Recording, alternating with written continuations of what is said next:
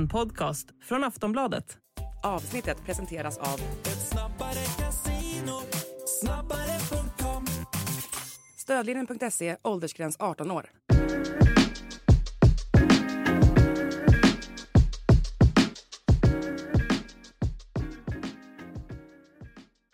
Allsvenska podden är tillbaka den här veckan och ja, jag vet inte var vi ska börja riktigt den här veckan. Det har hänt så otroligt mycket. Det är jag, Daniel Kristoffersson, Linn Nordström, Makoto Asahara och eh, ja, det har hänt väldigt mycket. Det har varit rekordövergångar, det har varit eh, kaosscener, det har varit eh, VD-avhopp, det har varit eh, överkörningar av eh, Malmö FF och Ja, ett fiasko från Hammarby och ja, jag vet inte var vi börjar. Ska vi börja med rekordövergången? Det tycker jag. Eh, Hugo, Det låter rimligt. Hugo Larsson som eh, gick alltså i en eh, övergång eh, totalt värd 132 miljoner från Malmö FF till Eintracht Frankfurt.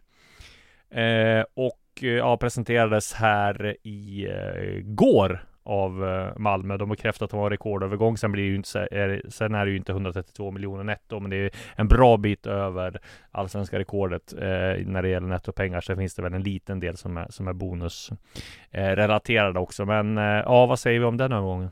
Ja, den eh, satt ut riktigt ut mitt under derbyt. Ja, exakt. Som att det inte var, som att det inte var svettigt nog. Nej, precis. Nej, det var, det var svettigt där ett tag. Jag, var- det var väl, alltså det, som jag förstått det så har han varit klar ganska länge. Eh, och det sa ju Daniel Andersson också, så att han sa att ja, det var konstigt att han inte läckte ut tidigare. Så jag var väl lite orolig där att han skulle läcka ut. Men nej, det var Vad tänker du eh, om val av klubb? Ja men alltså det, det, vi, jag pratade med en kollega, eh, en annan Boman om det tidigare Att man tänkte på att när det var, när han hade Bournemouth som intresse De var ju, bjöd ju 100 miljoner eh, Då tänkte man så här, ja men det är väl ganska bra deal att gå till Premier League och sen lånas ut till antingen Lorient eller Malmö liksom ett år eh, Men det var väl lite konstigt här, Lorient var väl så här tveksam och drogs ur ur en utlåning till Malmö FF. Ja, det hade väl kanske varit bra, men sen så var det ju eh, Bournemouth som, som kunde åka ur Premier League då när de budade på honom. Så det känns ju som att Frankfurt inte är de här, det här stora steget för Atletico Madrid var ju med i eh, och ville också värva. De ville bjuda mer, men då hade han ju inte fått spela på många år kändes det som.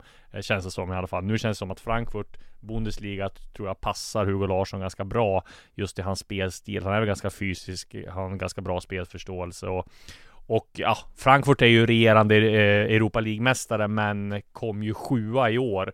Eh, och så, ja, men jag tror väl att det är ett bra steg ändå. Sen så är det ju klart det är ett stort steg att gå från allsvenskan eh, från start och där han slog igenom i riktigt i år då och sen gå in och dominera och spela från start i Bundesliga. Men det är klart att Frankfurt och Bundesliga har väl en historia av att kunna liksom slussa in eh, yngre, yng, unga spelare till större ligor. Det är också viktigt att poängtera, en klubb som Eintracht lägger inte de pengarna om det inte är en spelare som de har tänkt ska gå in i A-laget. Eh, man tittar på liksom Hugo Larssons kvaliteter och sånt. Eh, absolut, sjunde platsen i ligan var en missräkning, men jag tror det är ganska bra läge att komma in i en sån klubb. De har en jätteskicklig tränare i Oliver Glasner där, vi får se om han är kvar ska sägas. Mm.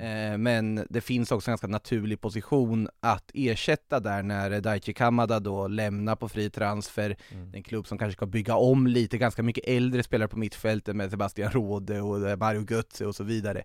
Det finns en tydlig väg fram i den klubben och jag förstår verkligen det här valet. Jag tycker det är ett väldigt smart val av eh, Hugo Larsson och hans eh, rådgivare så att säga i det här läget för att eh, Eintracht är en klubb på uppgång, det är en stor stad med extremt mycket supportrar och du kommer få uppmärksamheten där så att, och det finns en tydlig väg in i att faktiskt spela fotboll Mm. på A-lagsnivå.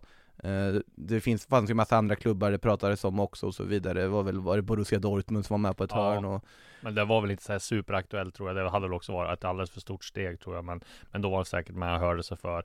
Där kan man ju tänka sig att de ville fynda, alltså passa på att Mm. fynda. För det, jag menar, eh, 132 miljoner kronor är inte jättemycket för Dortmund. Nej. Det är ju mycket mer för, för Frankfurt. Och det tror jag var ganska smart av eh, Hugo också. Att inte gå, ta ett sånt stort steg direkt. Också en, eh, en fin signal till andra talanger i allsvenskan att man inte behöver springa på första budet. Nej, precis. Utan Mm. att de har haft tålamod och eh, väntat in och inte varit, eh, varit rädda för att möjligheterna ska springa ifrån dem. Nej. Och vi ska komma ihåg, Eintracht är en otroligt mycket större klubb än Bournemouth egentligen, man tittar på tradition, Ja, publik, det allt som hörde till.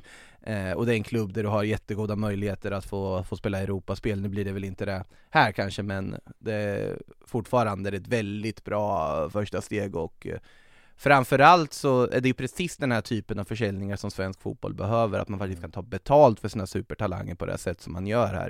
Och jag tycker det är väldigt kul att det här är ju inte en spelare som likt ja, Zlatan Ibrahimovic och Alexander Isak öste in mål och, och syntes på liksom sina offensiva unika kvaliteter på så vis. Det här är ju en mogen innermittfältare med väldigt många strängar på sin lyra, den typen av spelare som tidigare har varit väldigt svår att få betalt för, Mm. för en allsvensk klubb. Och att Mm. Malmö kan göra det, det är ju en ja, fjäder i hatten för alla inblandade skulle jag säga. Ja, och de har haft lite försprång där också av att de har så mycket pengar på banken att de kan tacka nej. Det behöver inte vara desperata. De kan ha liksom det här samspelet mellan, mellan Hugo och eh, liksom eh, klubben. Eh, hade det varit liksom en annan allsvensk klubb som hade fått ett bud på 100 miljoner för Bournemouth, då tror jag man, då hade man pressa spelaren Mm. till att han skulle ta, Mm. men du måste ta det här för, för klubbens ekonomi handlar om. Då tror jag man hade liksom legat på mer. Mm, det är det som inte blir riktigt lika kittlande. Det är en klubb som har eh, så extremt eh, bra ekonomi att eh, när man gör en sån stor försäljning, eh, andra allsvenska klubbar så är det så här, okej vad ska de eh, värva in nu, vad ska de eh, by- bygga för nytt som AIK gjorde, men eh,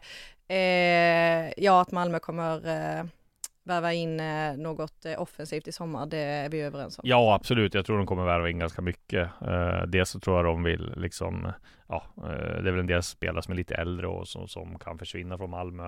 Eh, de har fått in visserligen Pontus Jason, men blir en sån som Lasse Nielsen kvar. Eh, ja, de har en del på utlåningar. Ja. Beijmo och så här, de kommer inte heller bli kvar. Eh, ja, men AC är väl han nu. Vi vet ju inte hur det är med AC Nej, heller. Och exakt. det kommer vi väl komma in på sen, men det Ja. blir ju väldigt eh, tydligt att Malmö måste ha en ersättare till honom. Ja, eh, absolut. Och eh, ja, men ska vi gå direkt därifrån? Det var en bra övergång Mhm. där Linn, rutinerad tv och poddmänniska Oh, ja. som du är. Eh, det gick ju inte så bra för Malmö får man säga, eh, där utan Isak Kiese utan eh, AC. De blev överkörda av Elfsborg, eh, som, eh, som eh, gjorde processen ganska kort med MFF. Och ja, det väcker den här frågan igen då, om de är alldeles för beroende av AC eh, och just eh, eh, att spel på konstgräs inte passar Malmö FF. Vad säger vi om Elfsborgs överkörning? Ja, att eh, ja, men man visste ju på förhand att det skulle bli en intressant match. Eh, men att Malmö skulle bli ja, men så sönderlästa framåt och samtidigt vara så svaga bakåt. Sen ska man inte hänga eh, Lasse Nilsson för, för hela Nej. matchen, men, eh, men det var inte en bra, en bra insats av honom.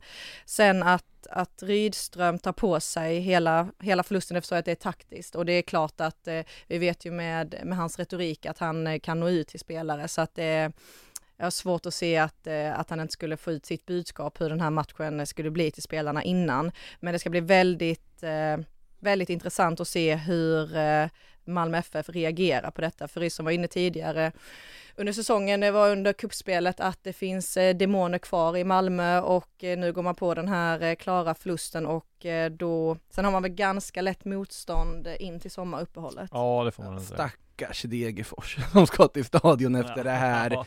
och möta Malmö som, ja, ja för jag tror ju att de kommer sätta tillbaka på allvar, jag tycker det finns något annat i det här Malmö FF och som du var inne på Linda det är ju smart av Rydström tycker jag att lägga det på sig själv att säga Ja men det här var, det här var ett taktisk, ett, eh, taktisk kollaps. Det här var någon form av liksom freak-resultat sett till vad, vilken nivå Malmö egentligen har. Eh, nu gäller det att slå tillbaka och bara visa hemmapubliken att jo då, visst är det här en guldkandidat på allra högsta grad. eh, i nästa match hemma mot ett Degerfors som haft det väldigt, väldigt jobbigt i början av säsongen.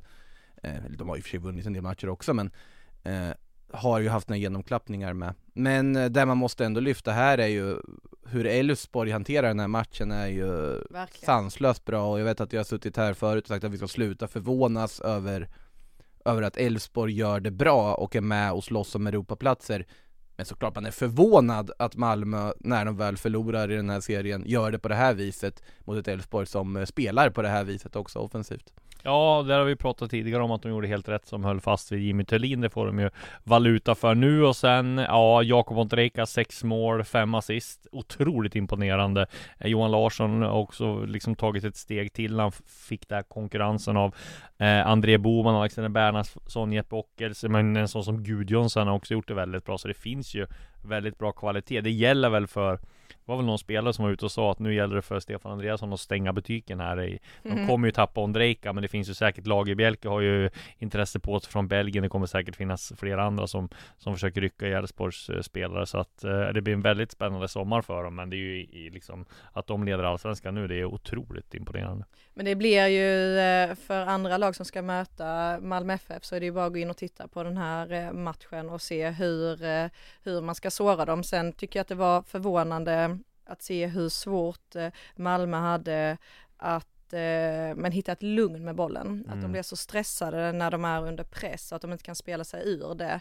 Det Ja, det är, det är svårt att tro att det skulle kunna se ut så när man har sett de andra matcherna under inledningen av säsongen. Nej man kunde inte alls tro den här liksom eh, Utvecklingen på, på den eh, Eller seriefinalen som det ändå var. Och man tänker att Ja men vi har ju pratat väldigt mycket om att eh, Malmö FF har problem på konstgräs och har problem utan AC och ja det Får ju vatten på sin kvarn och som har den teorin nu en sak som man heller inte kunde, som jag i alla fall inte kunde förutse, som jag pratade med eh, vår kollega Oshin här för ett tag sedan. Han kom ju titt som tätt till mig och ville snacka om AIK. Eh, men den krisen i AIK som de upplever nu, den hade jag faktiskt inte kunnat förutse. Det här såg man inte komma. Även fast man hörde liksom att det tisslades och tasslade om att Manuel Lindberg kanske inte var rätt ma- person så här inför säsongen och att han hade gjort en del konstiga saker och sådär. Men att ett AIK som hade gjort två väldigt stora försäljningar i Joe Mendes och ja men till tidigare trippel A och så Ayari till Brighton i pengar på banken. Eh, stabil, alltså stabil ekonomi. Värvade på förhand tyckte man ändå ganska bra namn och, och de hade ändå en del stomme med Milosevic och Nordfeldt Hyperintressant tränare. Ja, och Mm. jätteintressant tränare. Och sen visserligen tappat då Micke Lustig och Seb Larsson. Eh, två väldigt eh, ledare, gest- alltså gestalter. Men där trodde man ändå liksom att de har Sotte, Milosevic, Gudetti fick in. Eh, man trodde ju en del att Bilal kanske skulle fortsätta och, och vara lika bra. Men att gå från det i, i liksom i, i januari, februari och sen till det som skedde nu då i derbyt mot Djurgården och att man eh, ligger näst sist med bara en vunnen match när en tredjedel av eh, säsongen är spelad. Det är ju såklart ett gigantiskt fiasko, men att det skulle vara allt det här kaoset runt omkring. Det påminner lite grann om säsongen 2004, även fast kaoset började lite senare då, framförallt det här på läktaren då, men även att de hade en tränarkaos i början 2004 med Richard Money, jag menar Dosa Norin, det var Patrik Englund, det var, det var bara totalt kaos. Eh, det hade man aldrig kunnat förutse. Vad, vad säger ni? Ja men rent, eh, om man bara tar det sportsliga då under derbyt, så stod ju ändå AIK upp bra. Ja, bättre än tidigare. ska jag Ja, säga. ja precis, men med det, med det som de går in i och med det spelarmaterialet man har så, så förlorar de ju liksom inte klart mot Djurgården, även ifall det inte kändes som att de var jättenära att vinna heller. Nej. Men ehm, det är svårt att se just nu i vilken ände AIK ska börja. Det är det jag menar. Mm. Och eh, nu agerade de ju direkt och, eh, och sparkade Manuel eh, Lindberg, eller han valde att lämna själv.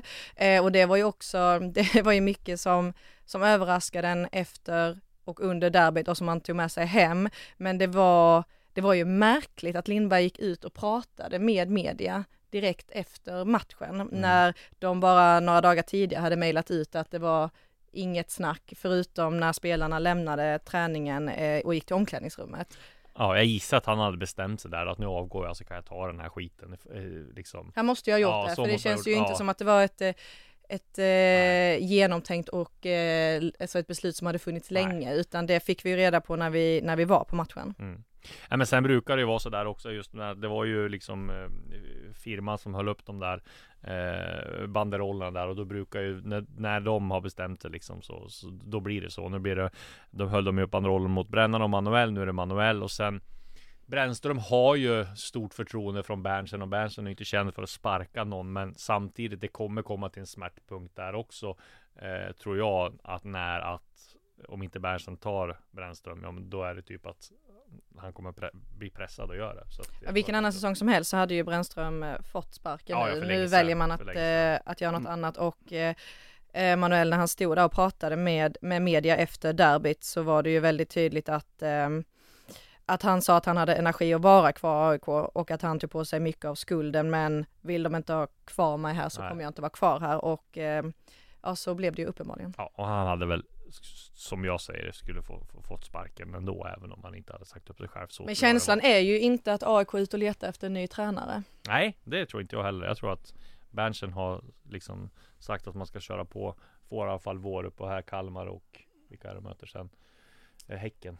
Ja. Eller, eh, få de matcherna på sig och sen så Eller är det Elfsborg? Sista. Ja. Mm. Men eh, det är ju inte lite ansvar på, på Berntsen. Nej, Det ska vi och det är det jag menar också. Det är det som är så konstigt. Hur en klubb som AIK har satt sig i den här situationen att man lägger alla eh, liksom ägg i Berntsen-korgen. Det är han som ska ta oss ur det här. En jättebra eh, sportchef i Sarpsborg, eh, en, en jätte liksom eh, meriterad, gjort väldigt bra värvningar, men samtidigt Sarpsborg är Sarpsborg, AIK AIK. Sarpsborg skulle jag kunna jämföra, inget ont om dem, Varberg eller Degerfors, men ungefär den digniteten på klubben. Det är en väldigt eh, familjär klubb, många som jobbar ideellt.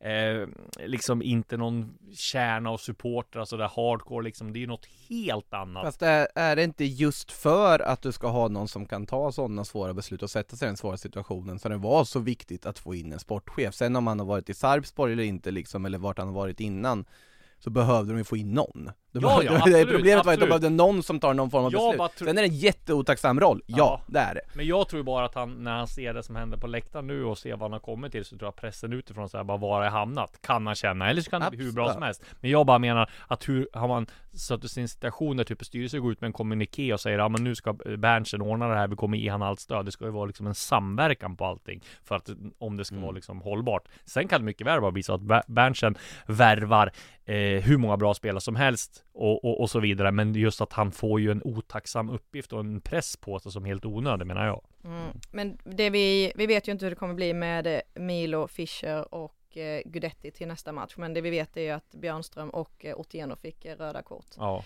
och inte kommer vara med och då ställs de ju inför ett dilemma för att då är ju Ja, det är inte många spelare kvar nej. i försvaret. Och det är som, så har ju Berntsen varit tydlig med att vi har för lite försvarsspelare, måste ha in fler försvarsspelare sa han ju så att Ja, det ska bli väldigt eh, intressant att följa. Vi kan väl ta där Också och följderna efter eh, läktarskandalen. Ja, För precis. Det känns som att de musklerna kommer, kommer spännas där efter det som hände. det känns det verkligen som och jag menar Vi har väl en lite hårdare regering nu också än vad vi har haft eh, tidigare som liksom ska sätta hårt mot hårt så vi får väl se vart det där slutar. Jag tror ju ändå inte att det kommer bli spel utan publik utan de får rejäla böter helt enkelt tror jag. Man Han har ju liksom gått ifrån den här eh, kollektiva bestraffningen eh, grejen och mer kör på liksom ja det bästa det var liksom det bästa som skulle vara identifiera de som har gjort det och liksom lagföra dem men det blir svårt som det är nu.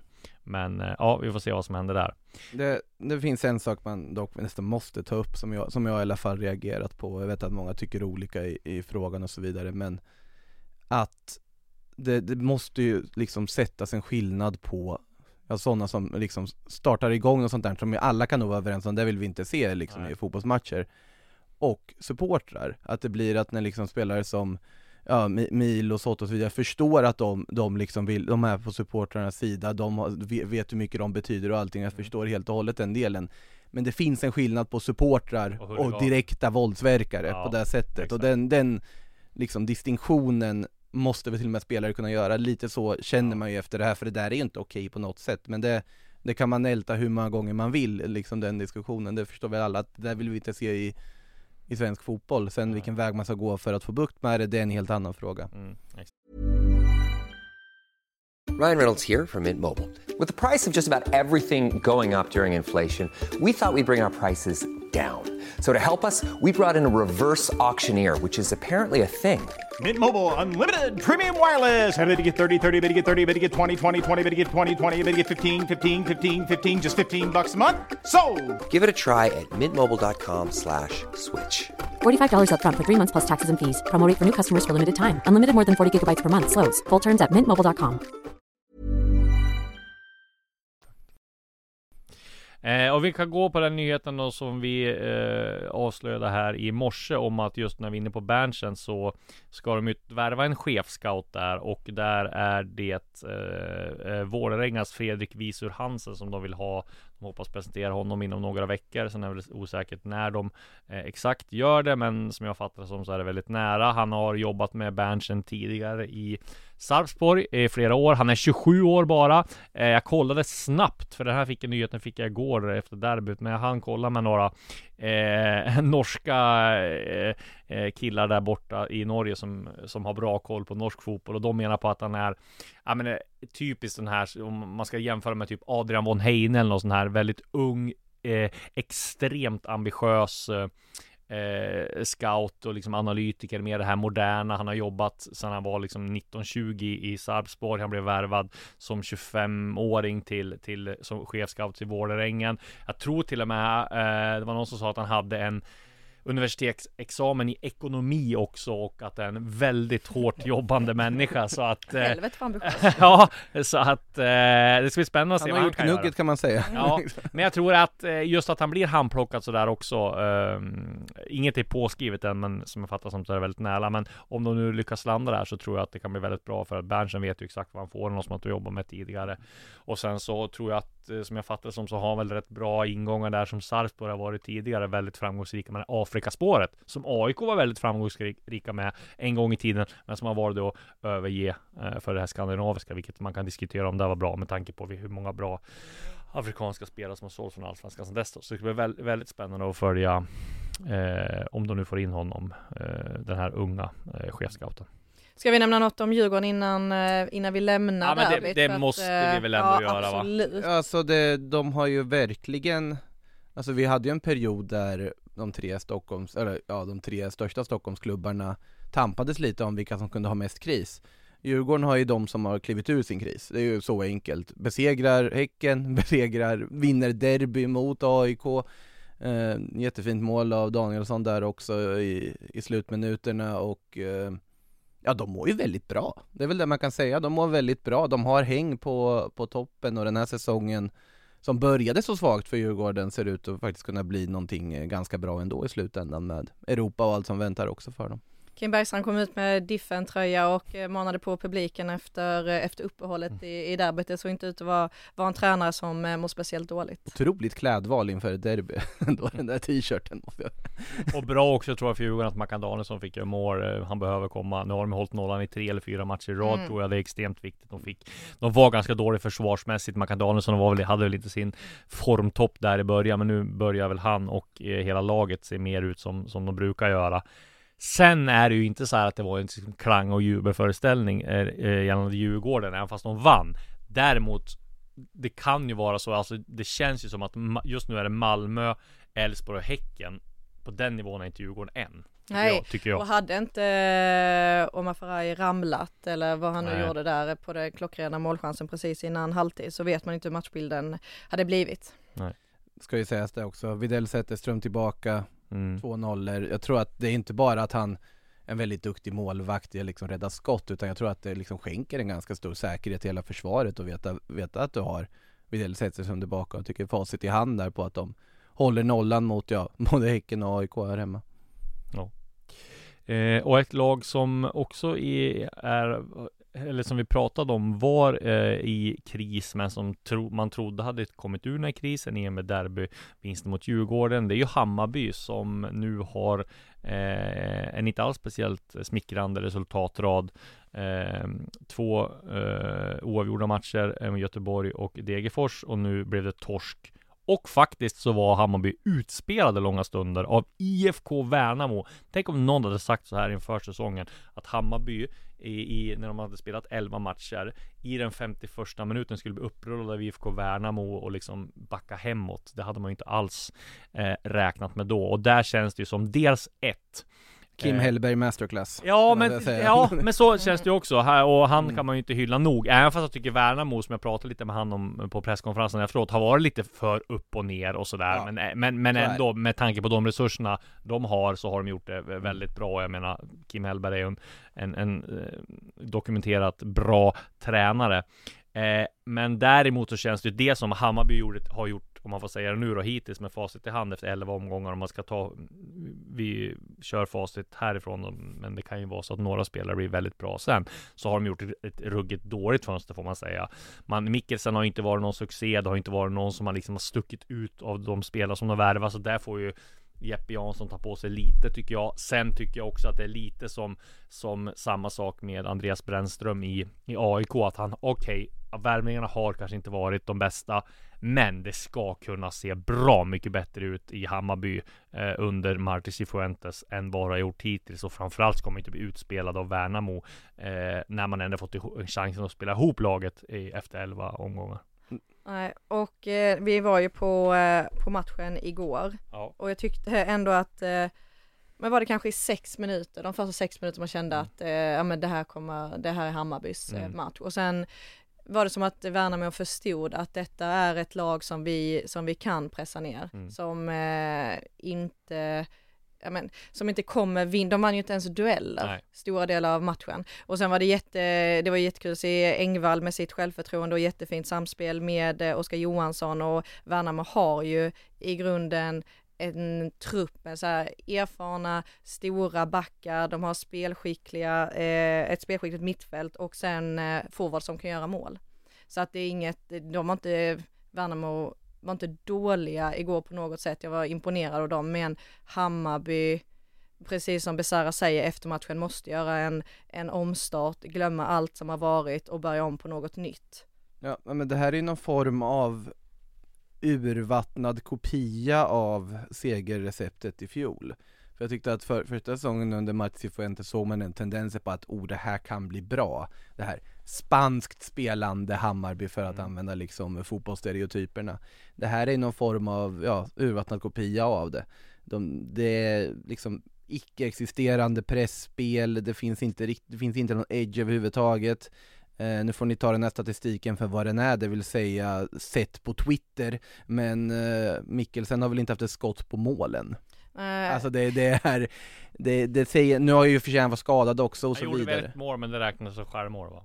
Ja, till, så då blir det inte ett skott på mål. Nej. Därav, ta det för vad det är, Twitter-statistik. Ja, ja. eh, men, eh, och det har varit liksom lite oklarhet allmänt också, vilka ska spela där framme i, i offensiven tycker jag. Nu kändes det som att man ändå hade hittat liksom att man, nu kör man Nalic i centrala rollen och sen med spelare runt och så vidare, men det, det vill sig inte. De men det är inte bara heller i det offensiva. Nej, det är alltså, inte bara där. Förra året, om jag minns rätt, så släppte Hammarby in 27 mål på hela säsongen och i år så har de redan släppt in 20. Mm.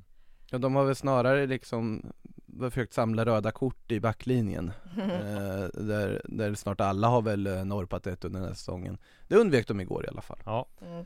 Nej men det blir spännande och intressant att följa Hammarby nu. Eh, jag tror väl ändå inte att de tänker väl på att sparka Chifuentes. Det blir väl kanske lite för mycket kaos då, men det är klart att om de skulle börja förlora två, de här två matcherna till så kommer de nog kanske att överväga det. Men nej, det känns inte som att eh, det skulle vara nära just nu, men eh, det kommer ju en smärtgräns där också. Den, det är såklart att Brännström har ju sitt man nu drar den i parallellen igen. Han har ju liksom eh, sitt eh, liksom fallhöjd för att han var ny och att han eh, ja, att det har varit så mycket kaos där eh, i övrigt.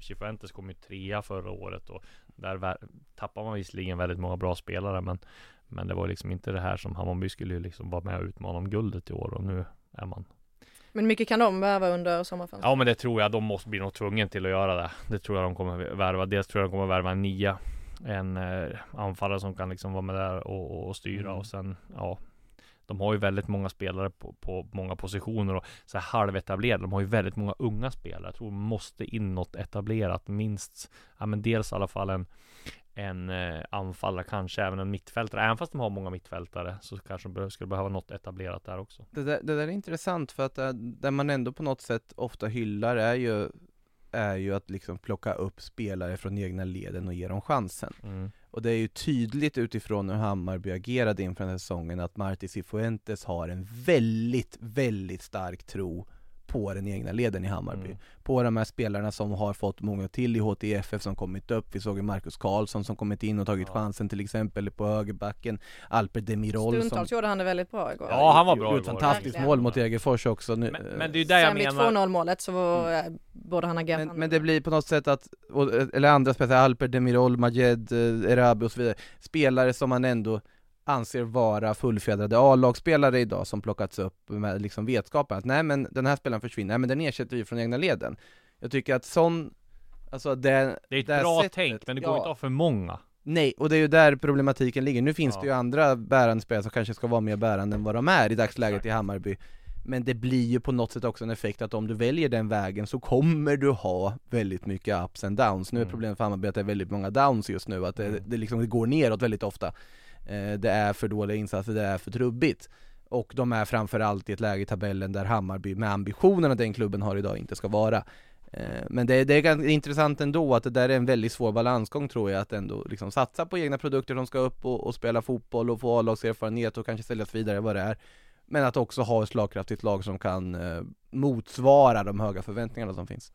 Om man tittar och ska gå igenom så är det ju de- som är A-lags, A-lagsaktuella nu Det är ju Erabi Majed eh, Djukanovic eh, Djukanovic är ju värvad i och för sig, men ja, fortfarande med en talang. Fre- Fredrik Hammar eh, Ja, Kolander är 21 Karlsson, Demirol, eh, Marcus Karlsson, Demirol Ajay. Ajay, du ser det börjar bli uppåt en 8-10 nu och så har man inte händer. räknat med Isak Vural och Fofana och Alium eh, eh, Ja. Det var det jag skulle säga, Fofana och Alium har intresse på sig från Skövde, Örgryte, Gais och Gävle som alla vill låna dem liksom. Så jag tror att om inte de kommer med på den här listan till A-laget ganska snart så kommer de nog lånas ut till Superettan för jag tror att de är lite för bra för HTFF.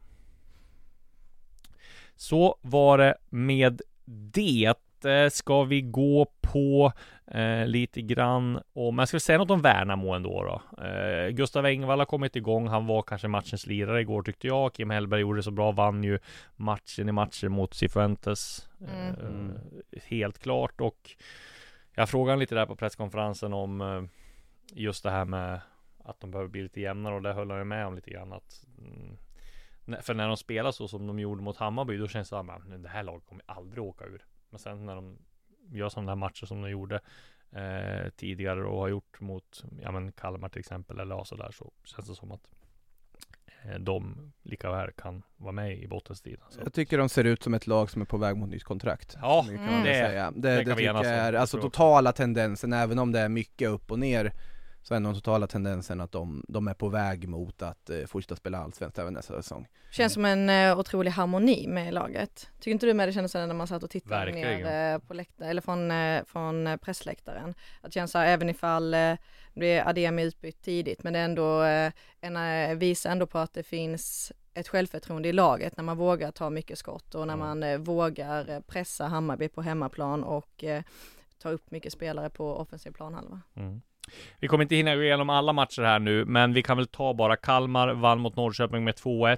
Eh, Sen vändning Ja, där, sen vändning exakt, men där kan vi väl säga de nyheter som kom eh, igår eller förrgår att eh, IFK Norrköping gick ut med att Arnold Sigurdsson lämnar i sommar. Kanske inte helt oväntat, men Väntat sett till att det är ju ingenting som förändrats egentligen. Nej. Sen, sen har väl IFK Norrköping Alltså hintat lite själva så här, på sociala medier och sånt som fått supportrar att fundera lite. De la väl ut någon bild där på någon så här emoji och Sigurdsson nyligen som Ja, liksom, sociala medietaktik. ja. Ja fast Fast... Alla nu, det går ju inflation i det där. Ja men problemet är att det där väcker ju på något sätt Hoppet. falska förhoppningar Ja. hos, fan, hos fansen tror jag och i det här fallet så Ja det är ju väntat att Arnor Sigurdsson är menad för större scener än den allsvenska eh, Får väl se vart han hamnar när det här lånet går ut Men vi ska nog inte säga att det är helt över än Ändå, för att det här är ju bara att man konstaterar att ja, hans låneavtal går ut då Tack för den här tiden Okej. Sen får vi ju se vad eh, Ja, du menar om han inte, du tror inte han har någonting klart eller vadå? Nej, inte vad jag vet var han, var han ska gå men Nej. Så kommer eh, lite Tror att det finns en innan. chans till att Det, det ska inte jag uttala mig Nej. om det finns en chans eller Nej. inte men det jag jag fattar att, det mer som att nu kommer han lämna. ja, det som presenterat är att låneavtalet går ut Ja. Eh, Punkt eller? Ja men lite så, ja men på ett sätt, men ja han kommer väl lämna det, allt tyder ju Ja. på det Eh, kort bara Degerfors-Varberg 1-1. Där eh, ledde Varberg och eh, sköt ner AIK till sista platsen Men Degerfors lyckades kvittera eh, trots en, eller de var en man mindre i alla fall. Eh, Intressant hur eh, det där röda kortet med Gravius ändå, för det var inte jättemycket skallningsrörelse i den, den situationen. 90 plus 2 va? Så han, han, ja. han Direkt rött. Ja. men eh, också en domare som står två meter ifrån och eh, var väl mycket snack om hur, hur, hur mycket det förstärktes i den situationen så att ah, säga. Okay, okay. Eh, men... Eh, det bara var en huvudrörelse från Gravius sida. Så de var väl inte jätteglada i Degerforslägret efter det och det kan man väl ändå förstå när man ser reprisbilderna. Ja. Eh, Mjällby HBK 0-2, HBK tar en rätt viktig seger där. Eh, Granat gör mål igen. Eh, och ja, Halmstad känns som ett stabilt mittenlag just nu också. Eh, och sen så tar Sirius första segern i Oj, vad viktigt det var mm. för... Mot BP hemma. Är det starten på vändningen? Ja, kan bli det. Jag såg eh, Matti Goll, Christer Mattiasson på, på läktaren på Tele2 igår. Han var väl där och scoutade Värnamo mot och Bayern. Så att eh, Nej, det, det, där var nog otroligt välbehövligt för, för Sirius. Ja, verkligen. Med tanke på hur, hur det sett ut sista tiden. Och framförallt också att Varberg inte vann. Det var nog viktigt för dem också. Mm. Så var det med det. Nu ska vi ta en sista punkt här. Vi eh, ska såklart gå igenom derbyt, för det har vi inte glömt, mellan Häcken och IFK Göteborg. Dubbelderby Ja, dubbelderby där Häcken, ja får man säga, körde över Göteborg till slut och vann med 4-1. Vi ska ringa upp vår eh, kollega Mikael Wagner som har stenkoll på det här. Han var på plats på matchen och får berätta lite grann om bland annat vilka scouter som var där och scoutade vilka spelare och ja, vad spelarna sa efteråt. Så nu tar vi och ringer upp Mikael Wagner.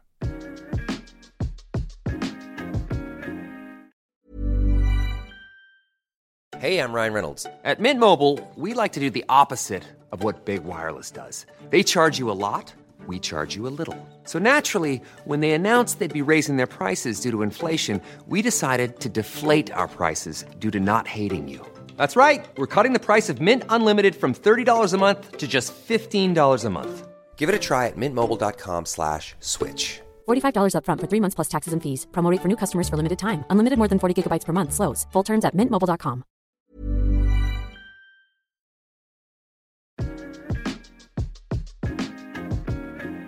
Ja men då säger vi hej till Mikael Wagner. Eh, du var på plats på eh, hissingen igår. Berätta lite grann om eh, hur du upplevde matchen. Um, ja, vad ska man säga? Det var ju eh, väldigt stor kontroll från Häckens sida första 30. Uh, eh, man tänkte att nu kan det här rinna iväg. Blåvitt kom tillbaka sista kvarten, första halvlek. 1-1 i paus och uh, hyfsat öppet i, i det läget. Men man känner ju hela tiden med, med Häcken eh, i sådana här pauslägen där de har spelat väldigt, väldigt bra utan att få, få utdelning under den första halvlek, att det nästan hela tiden finns ytterligare en dimension i det laget. Och när de trycker lite mer på gasen i andra halvlek så ja, då, då rinner de ifrån enkelt eh, mot Blåvitt utan att, utan att IFK Göteborg gör en en eh, dålig match tycker jag. De, de, är, de är faktiskt ganska bra för att vara IFK Göteborg. Mm. Och ändå 4-1 komfortabelt tecken. Det kunde varit ännu större siffror. Och det säger väl lite grann om eh, någonting om vad eh, skillnaden är mellan de två Göteborgslagen just nu. Liksom när 4-1 i underkant, Blåvitt eh, gör ändå ingen usel match. Det, de, är, de är på eh, faktiskt ganska helt olika nivåer just nu. Eh, storebror Häcken sportsligt mot eh, lillebror IFK Göteborg. Ja, precis. Och det är väl de, eh, vad heter det, traditionella spelarna som brukar göra mål. Lars-Olle Larsson har ju haft en bra form här tidigare. Eh, Rygaard har varit bra och sen har vi ju då skytteligaledaren Benny Traoré. Eh, yeah. Otroligt eh, fint mål gjorde han där eh, när de spelade klapp-klapp-spel och sen så satte han dit den. Eh, vad, vad, vad säger du om en sån spelare som Traoré? Nej, han är ju ruggigt bra. Samtidigt måste man kanske också se att han passar ju ruggigt bra in i Häckens sätt att spela fotboll och i mm. miljön som finns i Häcken liksom med hans eh, bäste polare, också en sensationell Häckenspelare under våren, Romeo Amane då. Eh, men eh, alltså att han skulle kunna fylla Eh, då kan man ju säga liksom lite klyschigt så här eh, Alexander Jeremejeff-rollen för de är ju två helt, helt olika spelartyper liksom. Men i alla fall nia-rollen i, i Häcken på det här sättet när han när han slog igenom i Häcken här för eh, ja, 2021 då när han kom i alla fall var mer en kantspelare än, än en central nia. Jag ska inte säga att det är sensationellt men det är ändå något överraskande att han har varit så, så jäkla bra. Men eh, Eh, det är en fantastisk fotbollsspelare, mer än bara målskytte. Men om man tittar på honom i matcherna så gör han ju, han gör ju alltså ett, ett defensivt arbete som är extremt bra och inte bara för att han springer och jagar utan han tar sina defensiva löpningar och sitt pressspel på ett, för att, jag tycker han gör det på ett oerhört intelligent sätt. Så att eh, eh, i mina ögon är det ju liksom en ganska komplett fotbollsspelare. Men med det sagt så innebär ju inte det att den utländska klubben som värvar eh, Beni Traoré att han med den automatiken eh, går in och gör, gör tio mål under en höst, höstsäsong i en, i en utländsk liga. För jag tror ju att han blir såld faktiskt i sommar. Eh, men men han, han, är, han är en jävligt bra fotbollsspelare och han passar väldigt bra in i Häcken i alla fall just nu.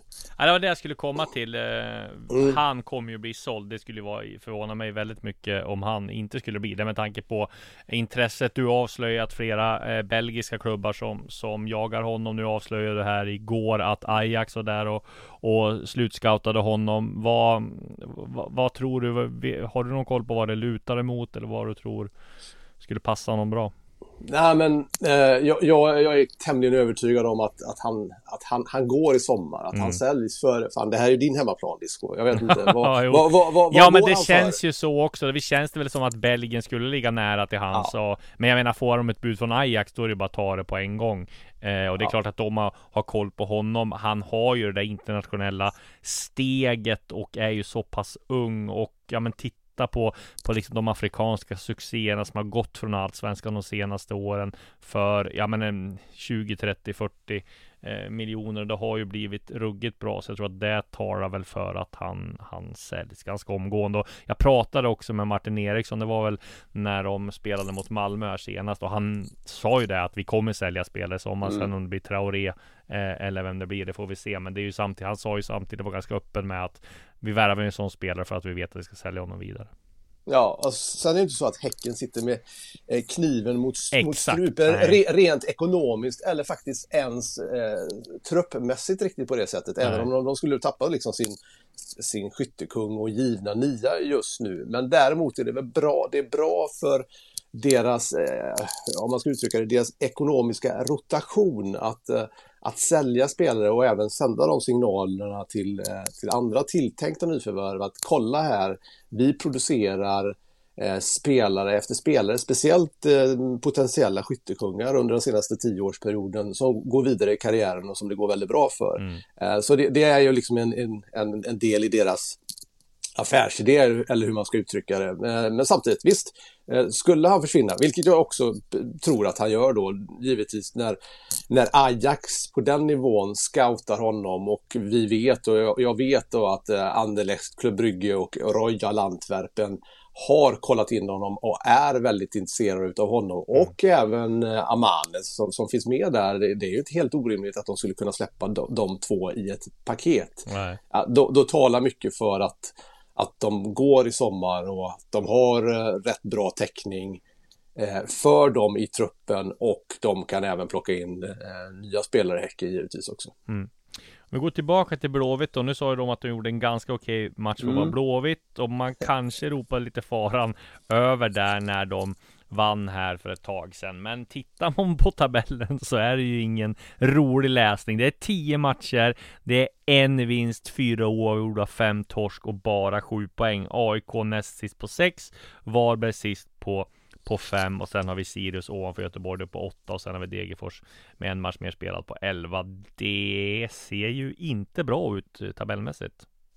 Nej, det, det, på något sätt så det är bara att göra sin matematiska analys. Om, om de inte vinner hemma mot Mjällby på, på lördag, klassisk eh, sexpoängsmatch, Aha. och åtminstone tar poäng borta mot Sirius eh, sen i sista matchen före uppehållet, så, så krävs det in i helsike jäkla mycket poäng utav IFK Göteborg på andra halvan utav, eh, av allsvenska säsongen för att att komma upp på någon slags säker mark på plus 30 poäng eh, som eh, historiskt krävs för att eh, säkra kontraktet. Så att ehm, Nej, alltså bara, bara utifrån de få poängen som du rabblade där som de har tagit och många utav andra utav, utav lagen där nere på nedre halvan så krävs det, det krävs två, egentligen skulle två segrar skulle, skulle vara väldigt nödvändigt för IFK Göteborg med de här två matcherna mot, mot Bjällby och Sirius för att få någon slags andhämtning och eh, positivism med sig in i, i sommaruppehållet. Men till att börja med hemma mot Bjällby på lördag här. Det, det blir ju liksom lite nyc nyckelmatch för dem på det sättet. Uh, och, då kan, och vi kan ju vrida och vända på det mycket vi vill. Jag tror du delar den analysen. Ändå. De har ändå trots allt sett något bättre ut under senaste verkligen, månaderna verkligen. jämfört med de fyra, fem första matcherna. Mm. Liksom. Men, det, men, men det räcker inte. Det krävs liksom att Pontus Dahlberg måste spela på den nivån som han faktiskt gjorde mot Häcken igår. 4-1. Han var en av de bästa blåvita spelarna, trots allt. Liksom. Men han får sluta och kasta in bollar i egen kasse. Mm. Och, och Marcus Berg måste, måste förvalta lite fler av de chanserna som han faktiskt har fått eh, ett par, tre i de senaste matcherna. Eh, och, och få till sitt målskytte lite mer, då, då ska de börja kunna ta de här eh, segrarna, för de har inte riktigt haft de här klassiska marginalerna med sig. Men att IFK Göteborg med den truppen de har just nu skulle vara något bättre än ett, ett lag på liksom den undre halvan utav mittensegmentet. Det har jag väldigt, väldigt svårt att se faktiskt just nu. Nej, precis. Ja, det är ju lite skakigt här uppe i Stockholm hos oss mm. här med supportrar som Ja, eller huliganer ska vi säga. Vi ska inte blanda ihop dem med supportrar, men huliganer som slåss med polisen och kastade bengaler och avbröt matchen här i derbyt eh, länge. Eh, det har ju varit kris i Göteborg också, men eh, väldigt mycket lugnare får man säga. Du pratade med Emil Salomonsson om det, eh, om olika supportrar kring AIK, Hammarby och Göteborg och hur de har agerat mot egna laget. Vi ska lyssna på vad han hade att säga här. Eh, vad känner du när du ser de bilderna från ett från ett derby igår liksom, där ena lagets supportrar i frustrationen reagerar på det sättet som de gör. Nej, det är ju, jag kan ju aldrig någonsin stå bakom sånt agerande. Eh, det är ju... Jag sa ju, alltså supportrar kan visa sitt missnöje på sätt liksom. Man kan bua, man kan liksom... Det, det hör ju till fotbollen. Alltså mm. det, är inget, det är inget jag det, det är ju något som hör till fotbollen. Men vissa saker och ting, alltså, ja, det blir lite så här, det blir nästan upprorsstämning. Det, blir, det, det hör inte till fotbollen. Så att det våra supportrar gör, eh, att de, att de tillsammans sluter sig samman och visar en annan sida av hur man kan supporta sitt lag. Alltså, de, de är lik, de är typ lika missnöjda såklart som AIK och som Hammarby såklart. Mm. Självklart. Eh, IFK Göteborg, alla vet vad IFK Göteborg är. Men de visade på ett annat sätt. Och, eh, man vill bara krama, krama om vargen en alltså på det sättet eh, de sluter upp för oss och visar alltså, den villkorslösa kärleken på ett positivt sätt om man säger så. Ursäkta om jag ställer då den jobbiga frågan, men vad fan tänker du då när du eller hur reagerar du när, när Sotte till exempel igår säger att eh, jag kan inte, eller jag har, jag har förståelse för våra fans. Eh, och idag säger eh, Milosevic liksom att jag, jag tänker aldrig kritisera våra egna fans. Mm. Vad, tänker, vad tänker du då? Nej, alltså det uttalandet får stå för dem. Jag som person eh, är väldigt mot våld, är väldigt mot eh, utåtagerande beteende på det viset. Eh, jag tycker aldrig jag tycker inte det hör hemma på en fotbollsarena, jag tycker inte det hör hemma i fotbolls-Sverige. Eh, jag tycker vi har kommit lång väg. Alltså, såklart nu med, belyser man det med tanke på vad som hänt i, i, igår då och idag. Mm. Men jag tycker ändå vi har kommit en bra bit på vägen de senaste fem sex åren. Mm inte minst våra blåvita supportrar här nu, eh, så, så, tycker jag ändå vi har kommit en bit på vägen att få bort den här skiten. Liksom. Eh, och det är ett stort steg i fel riktning. Eh, det som har hänt senast då. Och, ja, nej, alltså. Man blir ju orolig för, för alltså, svensk fotboll är ju såklart, det är ju publiken. Alltså, kvaliteten på fotbollen, den, den vet ju alla om. Den är inte bäst i Europa. Men det vi har som är toppklass i Europa, det är ju publiken, det är atmosfären. Mm. Och, jag blir orolig om... Det, det, kommer ju komma saker och ting som måste tygla det om, om det blir utåtagerande scener på, på stormatcher. Uh, och, för att då måste ju... De som bestämmer måste göra någonting åt det mm. såklart och då, då, då blir ju 99,9 procent lidande av det. Mm.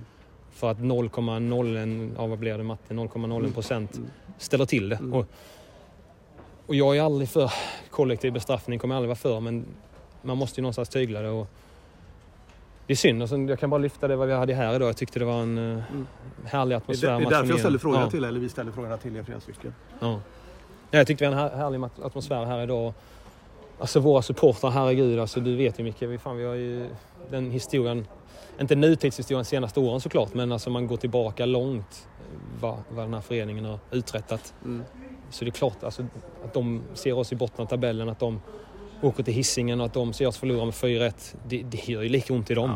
Och därför blev jag så extremt imponerad på det sättet man kan vända den här smärtan och ge, alltså ge den här kärleken. Så det, det är ju unikt alltså. Det är unikt alltså.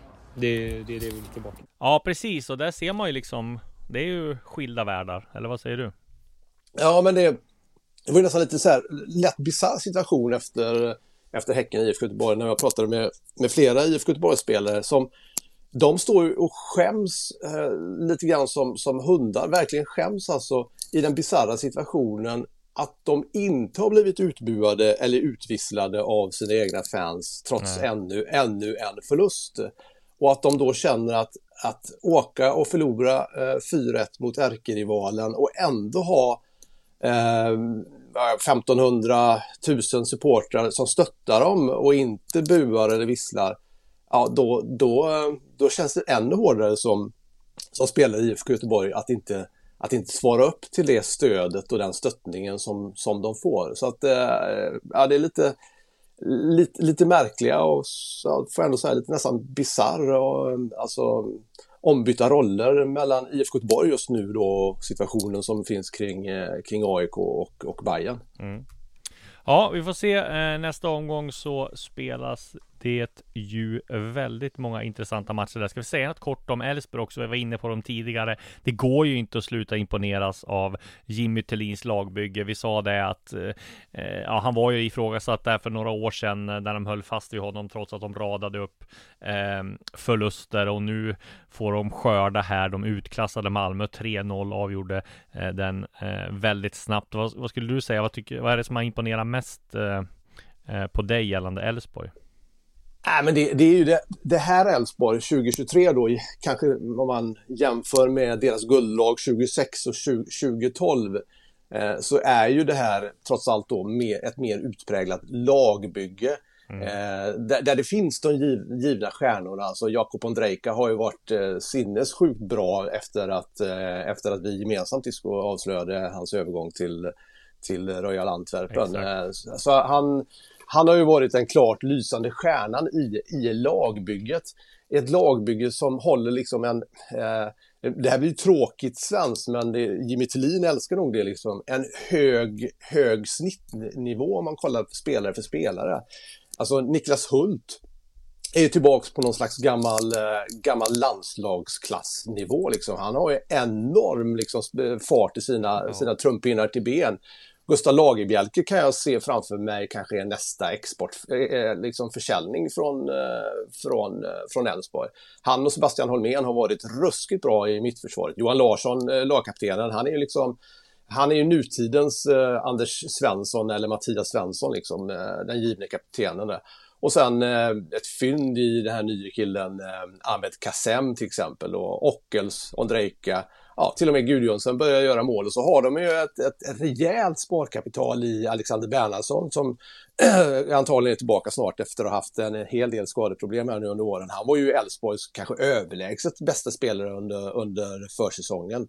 Så att äh, det, det, är ett, eh, det, det är en ruggig lagmaskin just nu Elfsborg. De kanske är lite känsliga ifall de nu skulle få bra bud och Andreasson inte kan hålla emot och, och få bud på Lagerbjälke eller någon utlandsklubb som vill fynda, fynda tidigt på Kassem till exempel. Eh, de kanske inte har riktigt den de har inte den bredden som, som, som Häcken har i sin trupp eller, ja, eller för den delen Malmö FF som liksom kan ställa två, två allsvenska elvor på, på plan. Men eh, eh, ett otroligt starkt eh, lagbygge och eh, ja, jag ser i alla fall framför mig att att Elfsborg som inte behöver fundera på något Europaspel, de är rimligtvis med i alla fall åtminstone kampen om medaljerna hela vägen ut. Mm.